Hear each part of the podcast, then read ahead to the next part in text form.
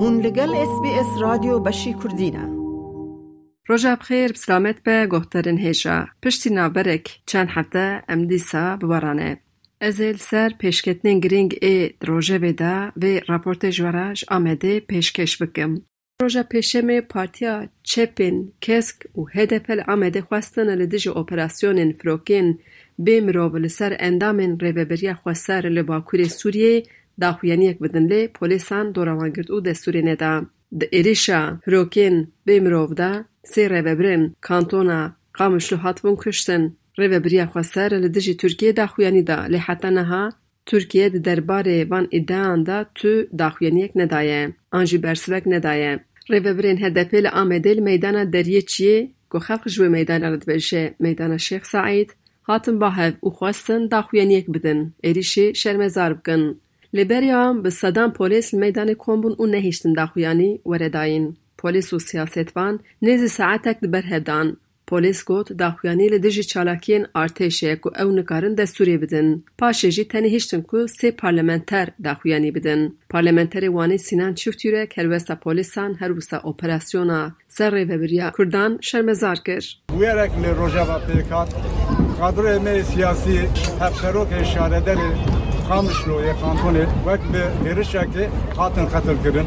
Em seri de ji marbata mara, ji gelê me re, gelanê me re serserî dixwazin.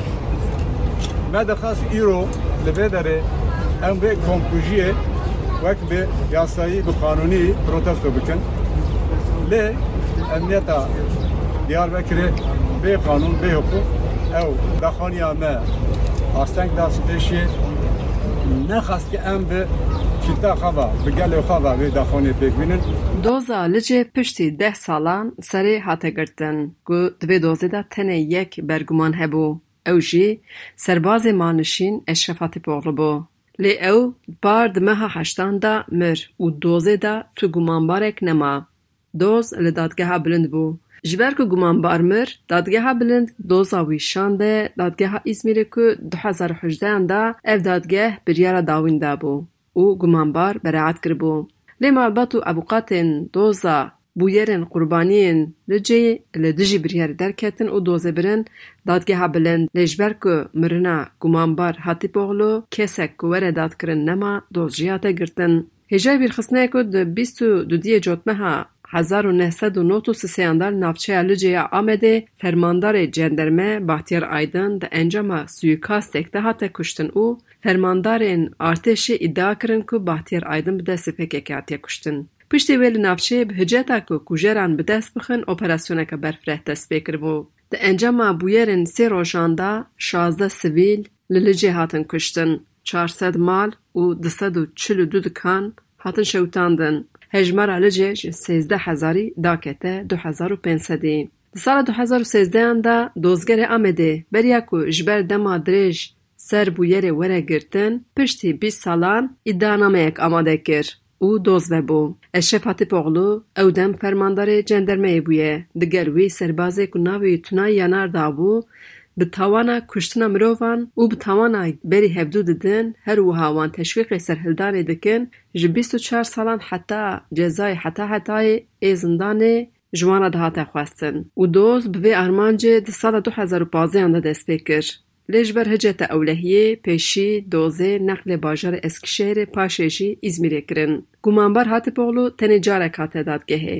گومانبره دن تونای ینار داغشی بریا دوزه مربوم کومل مافه مروان او پارتی دموکراتیکا گلن لدجی بریارا گرتنا دوزالیچی داخویانیدن او گرتنا دوزه شرمزار کرن کومل مافه مروان دست نشان کر جو دست پیکا بویری حتا پروسا داد کرنه جبو تسبیتا کریاران جانگران تفگریانه. او گمانبار به به جزاهیشتنه حاطنه پرستن. هده پیجی گود داریتی سال نوتی نهاتی گوهرتن.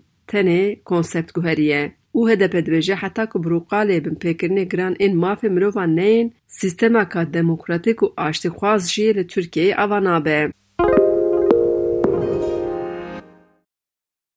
Hêjayê gotinê ku bi kuştina fermandar Bahtiyar Aydin gundiyek ji Licê hate girtin ku navê wî Mehmet Emîn Özkan e. لویج ئێزای حتا حتای هاتە بڕین دەگاک و ئەووقات ئیزبات کردن درۆژە باتی رایدن هاتیە کوشتن ئەو لە گوند بووە لە هینکەس لە سەروی شاهدیدانێ پاشێژێ کەسێک گلدژی شاهدیدان ئیفادەیە خۆ گوهرتن و گوتن دەدەما بنچافکردنێدا لەوان ئیشکەنجە هاتیەکردن ئەو ژ مێژبورمانە و لەسەر ئەمینۆسکان ئیفادە بدن لێ گوهرتنا ئیفادەیان ژی بریارە نەگوهرت ئۆسکان 27 ساڵنگرتیە و نە 85 سالیە gelek nexweşînê wî hene bi serê xwe jî nikare li xwe binêre ji ber kalbûnê û nexweşiyên kronîk gelek caran raporên saxlemiyê jê re hatin derxistin lê her carê dadgehê çavê xwe li van raportan girt Piştî cezayê heta hetayê ewqatan îtiraz kirin û doza Mehmet Emîn Özkan carekî din tê dîtin. Roja pêşemê doza wiya nû li Edenê dewam kir.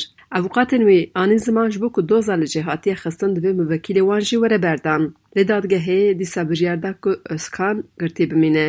Neha jî em ê berê xwe bidin dexwaza vekirina dozekî ku ji bo tespîta gora Şêx Saîd hatibû kirin. Serokê Komela Şêx Saîd Qasim Firat Baroya Amedê ji bo ciyê gora Şêx Saîd û çil û şeş hevalên wî were eşkere kirin, par dexwaza vekirina dozê kirin. Lê pêncemîn Dadgeha Îdarî ya Enqerê dexwaza vekirina dozê red kir. Wezareta Navxwe li ser pirsa dadgehê weke bersiv gotiye ku ji bo tespîta ciyê gora Şêx Saîd û çil û şeş hevalên wî di arşîvên dewletê de tu qeyd nîne. Dadgehê li ser bersiva Wezaretê dexwaza vekirina dozê red kir. Lê malbata Şêx Saîd wê li dijî biryara Dadgeha Enqereyê derkevin û biryarê bibin îstinafê. Hejde Hezîranê salvegera girtina şazdeh rojnamegerên Kurd e ku ew bêyî ku werin dadkirin li Amedê girtîne.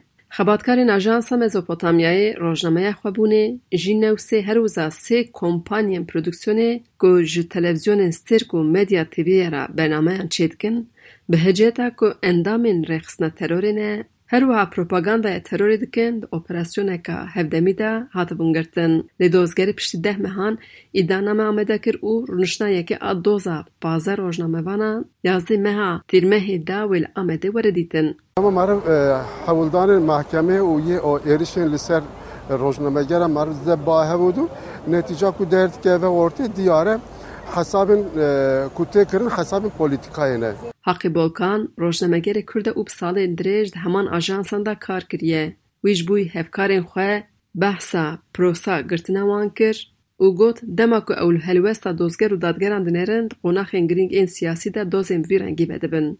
Yani polîtîkayên wana yên ku demên di girîng da li gorî wana didin meşandinê ل اپراسیون خوزی لدجه روزنامه گرام پکتینن و وانا دگرن دکن گرتیگه و حتی او پیواجوی وانا آجب و وانا قاش و گرینگ در باست به ام بیجن یا پیواجوی گرینگ چه بون هل بجارترم بون هونجی زانن ام بیجن نه روزنامه گرینگ کل انکاری هاتن گرتن همه دو روز پشتی هل بجارتنی هاتن بردن او محکمه یکمین دا Evan hevalê me yên rojnameger şazde hevalê me ku bîst kes bûn ji wana şazde kes salek çûyî ya weka îro hatin girtin di girtîgehê de hatin girtin heş roj berya wî di ser mala da hatin girtin bin çav da heş roman û piştî wî jî kirin girtîgehê û piştî neh mehan îdaname ji bo hat hazir kirin nizanibû ji bo çi girtine اوتن زانن کو ها مجبو هر بجارتنه گرتی جبو پیواژوی حکومت امبیجن لوازنه که هات وی بالدا سر پشتبانی او گوت روزنامه‌گری پشتر تو سوجی حواله وان نینه جبو که دکاربن آزاد بوین جی پشتوانیا جواکی جی ببینوه او چرچوه ایدا پشتگریه که خورت پیک بی او پشتگریه خورت هر گاف جبو روزنمگریه هیزه کیه او ام بزن درایه گشتی دا روابون و مافداریه روزنمگرم پسند که اوایا دوی تقص پیکوره لی جبو کو بگرن و جبو کو برندن تو سببه که تونه. چوا کو جبو کو بگرن سببه که تونه بود.